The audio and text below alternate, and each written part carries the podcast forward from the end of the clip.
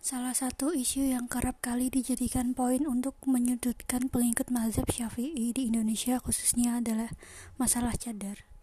Kenapa masyarakat Indonesia yang katanya bermazhab Syafi'i kok tidak bercadar? Ini walaupun redaksinya pertanyaan namun berasa menyudutkan. Dengan fakta ini dianggaplah bahwa kesyafi'ian kesyafi'iyahan mereka tidak original karena menyelisihi mazhab Syafi'i yang mewajibkan cadar. Menurut hemat kami, pernyataan seperti ini tidak tepat. Pembacaan yang budiman memang benar bahwa menurut pendapat muktamad atau resmi mazhab Syafi'i, wanita wajah wanita di hadapan laki-laki ajnabi atau asing termasuk aurat. Telah banyak pernyataan ulama dalam masalah ini.